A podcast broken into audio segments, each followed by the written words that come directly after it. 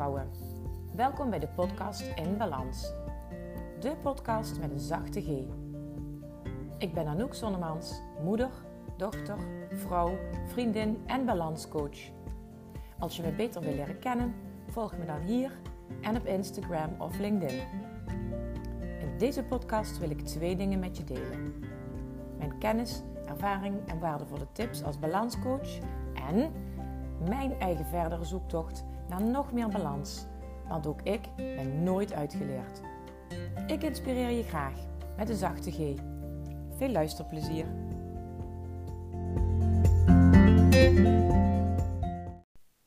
Hallo lieve vrouwen, aflevering 6 alweer van de podcast In Balans. Vandaag als thema van juf tot balanscoach, mijn persoonlijke verhaal, wat ik nu uitgebreid met jullie ga delen. Dus als je geen zin hebt in dit persoonlijke verhaal, en gewoon alleen maar tips wil krijgen over balans, dan kun je deze aflevering misschien beter even overslaan. Maar als je ook echt wil weten wie ik ben en waarom dat ik nu doe wat ik doe, dan luister vooral even naar mijn verhaal. Alle andere podcasts had ik van tevoren een klein beetje iets opgeschreven voor mezelf. Om een beetje een rode draad of eh, een aantal stappen eh, te doorlopen tijdens het vertellen van mijn verhaal en mijn tips. En nu ben ik hier gewoon gaan zitten uh, op een veel eerder moment in de week dan normaal ook. Om gewoon even mijn podcast op te nemen. Omdat ik nu inspiratie had. De inspiratie komt onder andere voort uit het beluisteren van de podcast van Doornoortje. Uh, een vriendin van me en collega ondernemer uh, die haar eigen verhaal vertelde.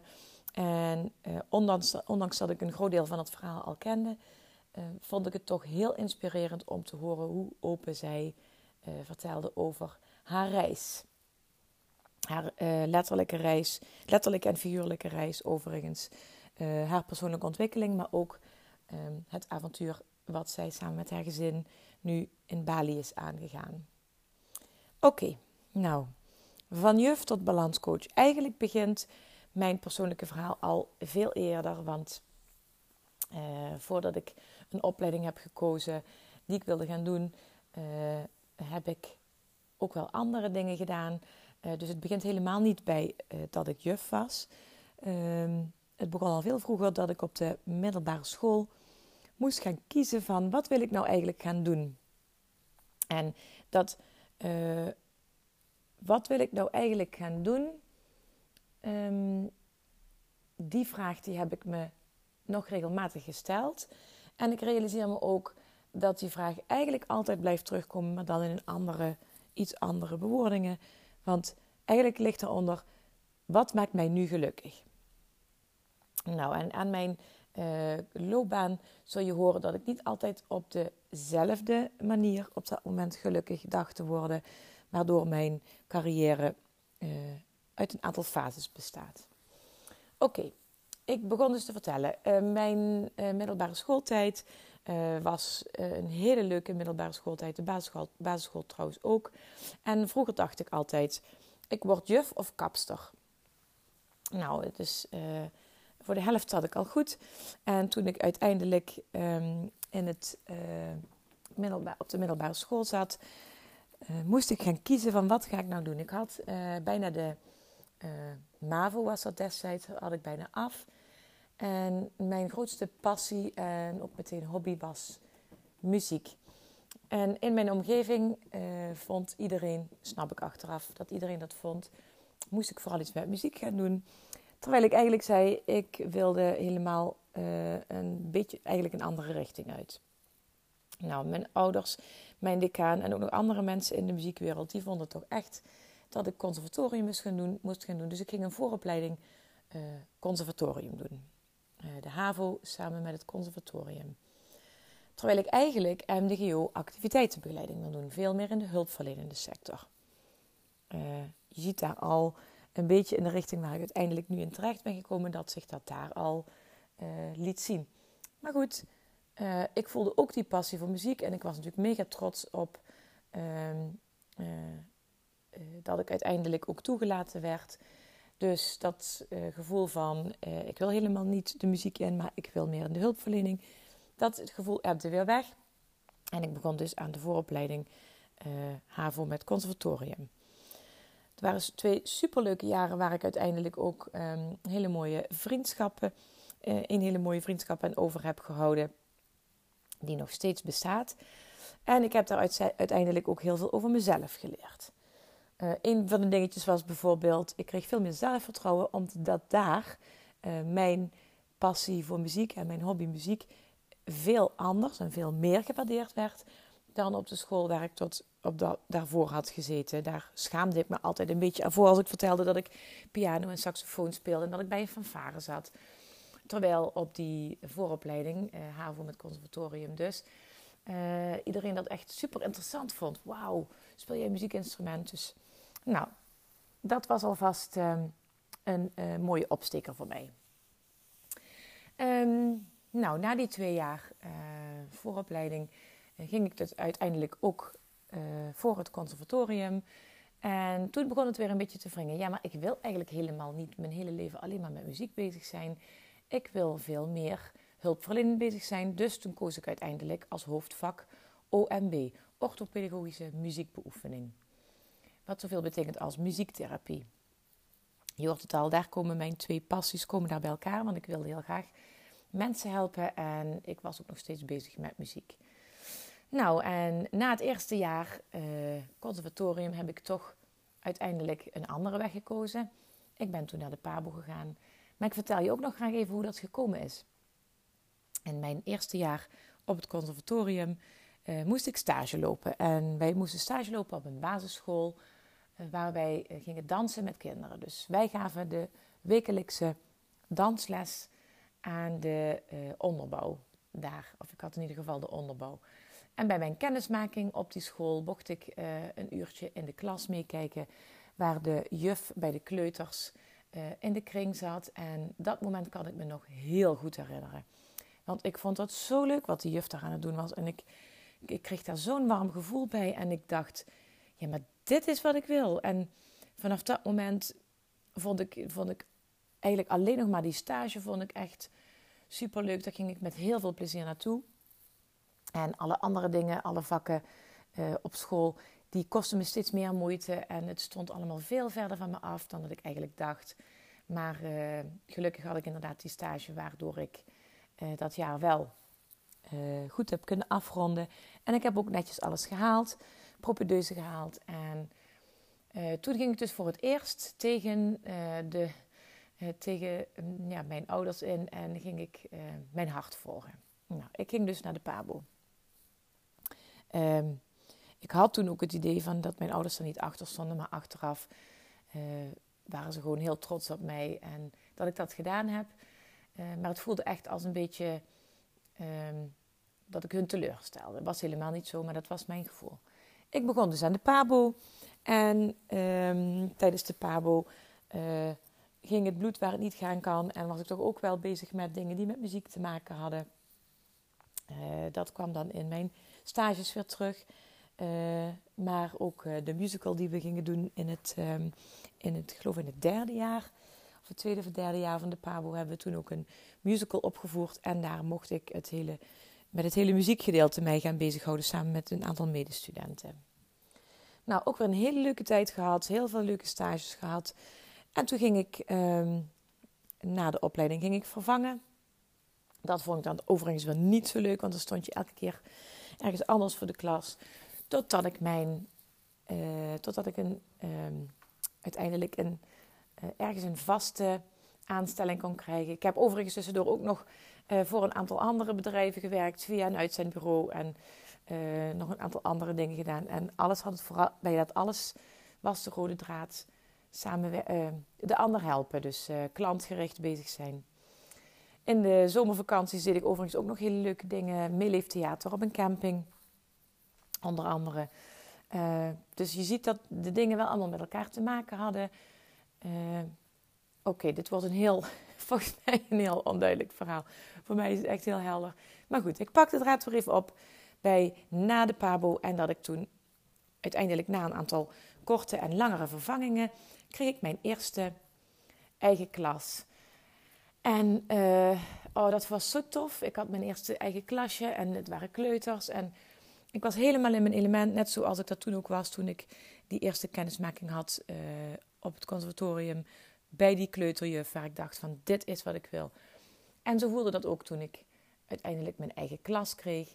Ik kon het helemaal inrichten zoals ik wilde. Ik kon helemaal lesgeven op, manier, op de manier dat ik wilde. En ik leerde ontzettend veel over mezelf, maar ook over, uh, over kinderen en over de omgang met ouders en collega's. En voordat ik het wist, uh, was ik ook daarin best wel hulpverlenend bezig. En had ik regelmatig een collega bij mij in de klas na school die even haar hart moest luchten. En was ik ook daar, uh, was ik daar al uh, coachend bezig zonder dat ik het in de gaten had. Nou, na een aantal jaren begon het eigenlijk tijdens de functioneringsgesprekken mij al helder te worden dat uh, ik meer wilde dan alleen maar lesgeven. Um, en uiteindelijk heb ik nooit het gevoel gehad dat dat ook echt mogelijk was binnen de organisatie. En ben ik uiteindelijk zelf actie gaan ondernemen en via de lerarenbeurs eens een keer begonnen met een uh, vervolgopleiding. Toen ben ik pedagogiek gaan studeren. Daar kon ik kiezen tussen de lerarenvariant en de hulpverlenende kant. Uh, daar ben ik uiteindelijk wel voor de lerarenvariant gegaan. Ik dacht, lesgeven is wel echt wat ook een van mijn passies is. Uh, en dat ben ik, uh, heb ik toen afgesloten. En toen dacht ik, zo, nou ga ik, nou ga ik een andere nou ga ik vacature zoeken. En nou ga ik uh, op een mbo les geven of zoiets dergelijks. Uh, dat is toen niet... dat is toen niks geworden. Ik ben toen gewoon les blijven geven. En nadat ik al een jaar of twaalf op dezelfde school werkte, met heel veel plezier, dacht ik: Oké, nou, ik voel nog iets. Het, het, ik voelde een bepaalde onrust van: dit is het dit is niet wat ik wil blijven doen. En ik wil voorkomen dat ik dadelijk helemaal vastgeroest zit in mijn werk. Dus ik ga op zoek naar wat is het dan wat ik, wat ik wil. En toen ben ik uh, van school geswitcht. Ik ben binnen de stichting, had ik me opgegeven voor mobiliteit. En toen ben ik een, uh, op een andere school gaan werken. Nou, binnen die, op die school kreeg ik ook de ruimte om binnen de uren die ik werkte ook iets meer coachend, had, ik kreeg ook een meer coachende taak. Eén eh, dag in de week uh, uh, stond ik voor een klas en die andere anderhalve dag dat ik werkte, coachte ik een, of begeleidde ik een tweetal leerkrachten met extra taken buiten de groep. waarbij ik met name de kinderen extra aandacht gaf, maar waarbij ik ook de leerkracht kon ondersteunen en een stuk begeleiding gaf op hoe het in de klas ging met die kinderen. Ik werkte overigens parttime, omdat ik in die periode ook, uh, in die tijd dat ik al als juf ook moeder werd. Uh, van twee dochters, heb ik al eerder verteld. En met, die, uh, met de komst van die twee dochters was ik ook heel sterk die onrust nog meer gaan voelen van... ik ben niet helemaal in balans. Die woorden kon ik er toen nog niet aan geven, maar achteraf zie ik dat wel. En was ik, was ik echt in gevecht met mezelf soms, omdat ik op alle terrein het goed wilde doen. Ik wilde het goed doen als leerkracht, ik wilde het goed, goed doen als collega, ik wilde er voor de kinderen in de klas zijn. Maar ik wilde er ook zijn voor mijn eigen kinderen. En uh, de balans was soms behoorlijk zoek. En daarom was er ook achteraf gezien die onrust om uh, te zoeken naar dit is het niet, wat is het dan wel? Dus waar word ik nu op dit moment gelukkig van? Nou, uh, in dat, in die, op die nieuwe school kon ik dus iets doen waar ik wel heel blij van werd. En uh, helaas werd dat uiteindelijk weer teruggedraaid door een aantal uh, nou ja, protocolaire toestanden, uh, regelgeving, eh, herberekeningen van hoe de uren ingevuld moesten worden op de school. Dus helaas op dat moment voor mij ging ik weer grotendeels voor de klas. En dat maakte me heel onrustig. En wat mij onrustig maakte was dat ik als leerkracht steeds meer het gevoel had dat ik de kinderen niet kon geven wat ze nodig hadden. En dan had ik soms wanhopige ouders tegenover me. Uh, die zagen dat hun kind uh, vastliep in het reguliere onderwijs. Um, en ik kon, ik kon ze dat ook onvoldoende bieden, die extra steun en begeleiding die ze um, verdienden, die kinderen. En dat frustreerde mij als leerkracht enorm. In combinatie met dat er, voor mijn gevoel, in het onderwijs destijds veel te veel nadruk kwam te liggen op het toetsen en het behalen van uh, hoge scores op de CITO-toetsen. En er zat een stuk inspectie bij, uh, moeten presteren als school, moeten presteren als leerling. En dat, dat ging voor mij steeds meer wringen. En op het moment dat ik het gevoel had van ik, ik heb geen tijd meer voor muziekles, dat waren voor mij echt de momenten dat ik dacht, ja, dit wil ik helemaal niet doen. Je zult begrijpen dat muziek voor mij sowieso mijn passie was, maar dat niet alleen. Ik zag ook dat kinderen uh, enorm opbloeiden tijdens muzikale activiteiten. Als we even wat anders deden dan rekenen en taal en uh, toetsen en allemaal dat soort dingen. Nou, um, toen kwam er een moment uh, op die school waar ik toen merkte dat, ik een, dat, het, dat ik even heel erg vastliep. En de trigger was een aanvaring, een situatie waarbij, waarbij ik een ouder aan de telefoon kreeg Ehm, die het uh, ja, die, die eens was met wat ik zei. En uh, dat werd nogal een. Die ouder nam, nam, nogal een bedreigende houding aan. Als ik er nu over vertel, dan kan me die spanning soms ook weer bekruipen. dat gevoel dat ik toen kreeg. En ik werd toen heel angstig. Ik heb dat telefoongesprek netjes afgerond. En ik ben op dat moment iemand gaan zoeken op school. waarbij ik me veilig voelde. Want ik, ik was even mijn, veiligheid, mijn gevoel van veiligheid kwijt daar op mijn merk. En ehm, ik had echt het idee, die ouder die komt mij nu opzoeken en dan ehm, eh, ja, kon het wel eens misgaan.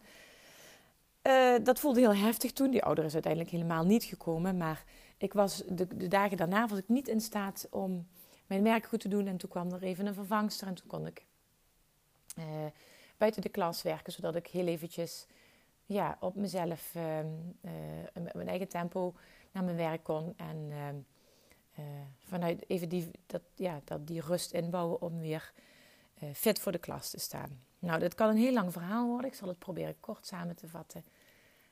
Achteraf zie ik ook pas dat het niet zozeer die aanvaring was met die ouder waardoor ik uitviel, maar dat het vooral die aanvaring met die ouder, die situatie was voor mij de trigger, de spreekwoordelijke druppel die de emmer deed overlopen. Want op die school waar ik daarvoor had gewerkt, had ik ook heus wel soms uh, situaties meegemaakt die spannend waren. Maar die hadden mij nooit zo enorm geraakt als deze keer. En het had er op dat moment voorbij.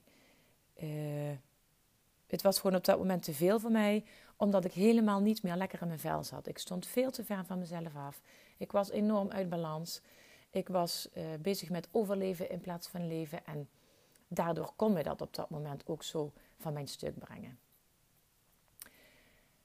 Dat wist ik natuurlijk niet op dat moment. Dat zag ik pas uh, ja, later uh, na, na, gesprekken met uh, psycholoog en een aantal coachtrajecten die ik ook heb gehad later nog. En tijdens mijn opleiding die ik nog heb gedaan tot energetisch therapeut. En toen kwamen die dat, dat verhaal kwam ook steeds terug en steeds, ik, kon, ik ben steeds beter gaan begrijpen wat daar gebeurd is was allemaal terug te brengen naar een stuk basisveiligheid.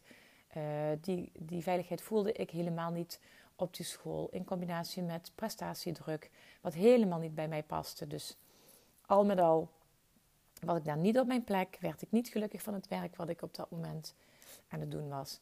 En had ik dat gewoon echt even nodig om weer uh, pas op de plaats te maken en te gaan bedenken: wat wil ik dan? Ik ben toen een tijdje thuis geweest, ik weet niet meer hoe lang. En uiteindelijk ben ik ook helemaal niet meer terug, terug aan het werk gegaan. En dat voelde voor mij op dat moment echt in eerste instantie als een vlucht. Maar achteraf zie ik dat als een bevrijding. Dat was misschien wel heel even een vlucht uit de werkelijkheid. Uh, maar ik had het ook gewoon nodig om uh, pas op de plaats te maken en echt te gaan onderzoeken waar ik dan wel gelukkig van werd. Nou, en ik wist het eigenlijk al vanaf het begin. Ik kreeg dus uh, ik kreeg gelukkig ehm, de kans om met een regeling uh, weg te gaan uit, uit mijn werk als leerkracht. En ik mocht ehm, ehm, nou ja, een, een, traject ingaan waarbij ik kon gaan onderzoeken wat ik dan wel wilde. Ik wist al wat ik wilde, want ik wilde nog steeds mensen helpen. En ik wilde ook vooral kinderen helpen die vastliepen op school. en ik wilde zelfstandig ondernemer worden. En toen heb ik ook dat traject van onderzoeken wie ben ik en wat wil ik, heb ik ook voor een groot deel kunnen gebruiken om mijn uh, bedrijf in de grondverf te zetten. Nou, dat was 2013. Toen ben ik gestart en ik startte meteen als, met een eigen bedrijf voor uh, training, begeleiding en coaching. Ik dacht, dat is, dat is waar ik goed in ben, dat is waar, waar mijn hart sneller van gaat kloppen en uh, dat is dan ook wat ik wil gaan doen. En naast dat ik kinderen wilde gaan begeleiden, uh, wist ik ook, ik wil niet alleen kinderen begeleiden, maar ik wil ook vrouwen zoals ik gaan coachen in het zoeken naar balans. Dat wist ik toen al. En toen heb ik uh, uh, naast het geven van bijles en het coachen van kinderen, ging ik ook uh, vrouwen coachen. En ik noemde dat toen al balans de baas. daar, dat, uiteindelijk ben ik toen, is toen de focus nog meer, weer meer gaan liggen op het begeleiden van kinderen. dat was ook veel makkelijker, veel makkelijker te bereiken doelgroep. Want welke ouder wil het nou niet dat zijn kind lekker in zijn of haar vel zit. En welke ouder wil het nog niet dat kinderen het goed doen op school. Dus daar kwamen al snel heel veel uh, klanten op mijn pad. En uh, mijn man kreeg overigens ook uh, heel veel aanvragen, want hij werkt op het middelbaar onderwijs, middelbare school. En hij kon ook leerlingen van de middelbare school heel goed gaan coachen. Dus we hebben dat een tijdje samen gedaan. totdat ik ehm, uiteindelijk dacht van ja, nou ben ik heel veel bijles aan het geven. En ik deed er nog wat dingen bij, omdat ik toch dacht, ja, uh, er komt niet genoeg geld uh, in het laadje. Ik moet toch mijn boterham betalen. Ik ben er allerlei dingen bij gaan doen uh, die ook een link hadden met um, onderwijs en muziek. een aantal leuke projecten heb ik kunnen doen. En ik werkte ook nog één dagdeel in de week op een basisschool waar ik muziekles gaf aan de kinderen van groep 1 tot en met 8. En ondertussen begon uh, de onrust weer te ontstaan. Want dat is toch eigenlijk niet wat ik wilde. Dat is niet waar ik uiteindelijk voor gekozen had. Ik wilde echt volwassenen gaan helpen. En toen dacht ik, nu moet het weer anders. Uh, toen kwam ik terecht bij, mijn, uh, bij de coöperatie waar ik een hele tijd heb gewerkt. Uh, en dat was um, meer gericht op loopbaancoaching. En toen ik mijn visitekaartje ging bepalen wat erop kwam te staan... toen was een van de woorden wat in mij opkwam als balanscoach ja, daar kwam hij dus weer terug. En uiteindelijk uh, was dat ook het woord wat een aantal opdrachtgevers het triggerde om met mij contact op te nemen. Wij willen jou, omdat wij heel veel mensen hebben die worstelen met balans. Kun jij daarin iets betekenen voor ons? Nou, dus daar ben ik ook uh, veel mee aan het werk. Dat zijn ook de dingen waar ik veel mee aan het werk was met de klanten die ik op mijn pad kreeg. Balanscoaching. Totdat ik uiteindelijk uh, aan het einde van 2019 uh, eh, zei van uh, voel, en alles voelde dat ook dat werken in die coöperatie niet meer paste bij wat op dat moment mij gelukkig maakte. En ik heb toen ook de knoop doorgehakt en weer helemaal voor het zelfstandig ondernemen gekozen. Ik, ik, was nog steeds zelfstandig ondernemer in de coöperatie, maar nu dacht ik, ehm, nu kon ik weer, nu besloot ik om weer helemaal op eigen kracht verder te gaan. En ik ben dus weer terug gegaan uiteindelijk. Ja, dat is dan nog niet, nog niet eens zo lang geleden. Per 1 maart ben ik officieel weer helemaal uh, zelf verantwoordelijk uh, voor mijn werk. En ik ben dus nu ook weer terug bij af. Uh, waar ik begon toen ik begon voor mezelf als coach. Namelijk als coach voor vrouwen die de balans kwijt zijn. Nou, ik weet niet hoe lang ik nu ondertussen verteld heb. Ik ga eens even kijken. 23 minuten. Nou, valt nog mee. Um, ja, wat, wat, zou ik nog kunnen vertellen hierover?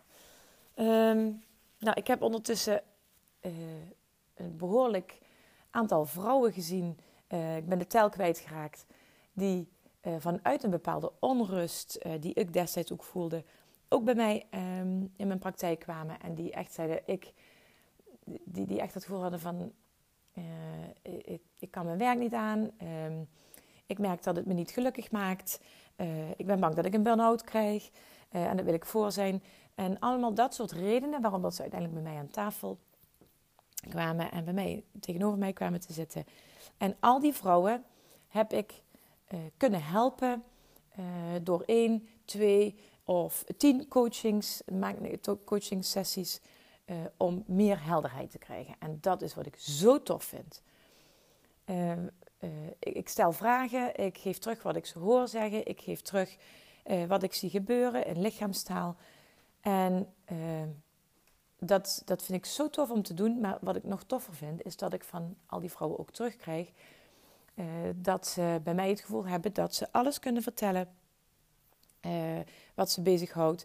En dat ik ook terugkrijg dat ik voor zoveel nieuwe inzichten heb gezorgd.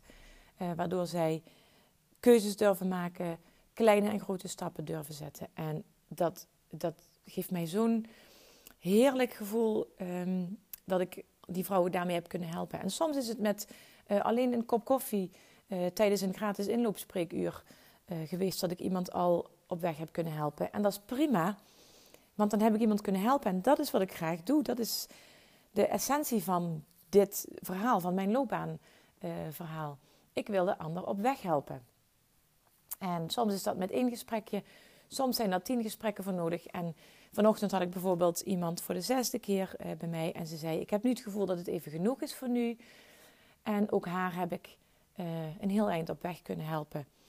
En um, dat is ook, het is ook echt niet zo dat iedereen die bij mij komt meteen van al zijn problemen afgeholpen wordt. Nee, dat is het niet. Ik, uh, dat zou ik niet eens willen. Wat, wat een grote verantwoordelijkheid ligt er dan bij mij. Maar wat ik wel wil en wat ik nu wel aan het doen ben, uh, is de ander op weg helpen. En een stukje bewust maken van bepaalde patronen, bepaalde systemen die, je, die, ieders, ja, die iedereen zich eigen maakt. En hoe je bepaalde patronen ook kunt doorbreken om um, ja, gelukkiger te worden en meer balans te vinden. Nou, toen kreeg, wil ik ook nog even met jullie delen. Ik kreeg vanochtend een heel mooi, uh, een paar mooie complimenten. Ik vroeg om, een, om tips en tops aan die uh, coachklant bij het afscheid. En ze zei, een van de dingen die ze zei was echt superleuk. Ze zei, nou, ik was een beetje bang dat je heel zweverig zou zijn, maar dat valt best wel mee eigenlijk.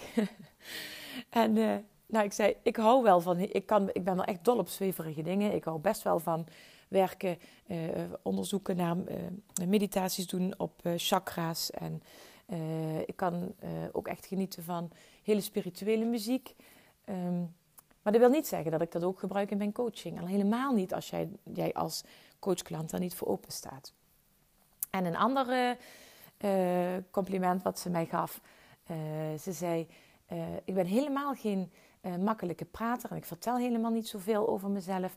Maar ik had bij jou het gevoel dat ik gewoon alles kon zeggen wat, wat mij op het hart lag. En ehm, dat voelde zo fijn. En ook dat ik dan geen, geen oordeel had. En um, dat ik haar aan het denken had gezet. En ze verwachtte eigenlijk van tevoren dat ze gewoon naar die, naar die afspraken zou komen en dat het, dan, dat het dat dan was. Maar ze zei, uh, je zette me aan het denken, waardoor ik thuis ook nog ging door, uh, ja, uh, daar, daarmee doorging. Dat ik nog ging verder denken. En nou, die bewustwording, die kan ik, kan, heb ik bij zoveel mensen al kunnen bereiken. En dat is zo tof.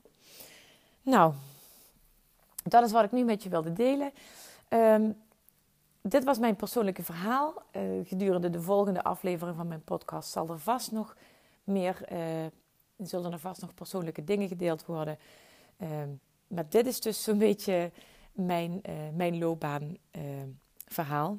ik hoop dat ik je daarmee kan inspireren om ook echt die stap te zetten, zo, hoe klein de stap ook is, om je daarin te laten coachen, om je daarin ehm, te laten helpen.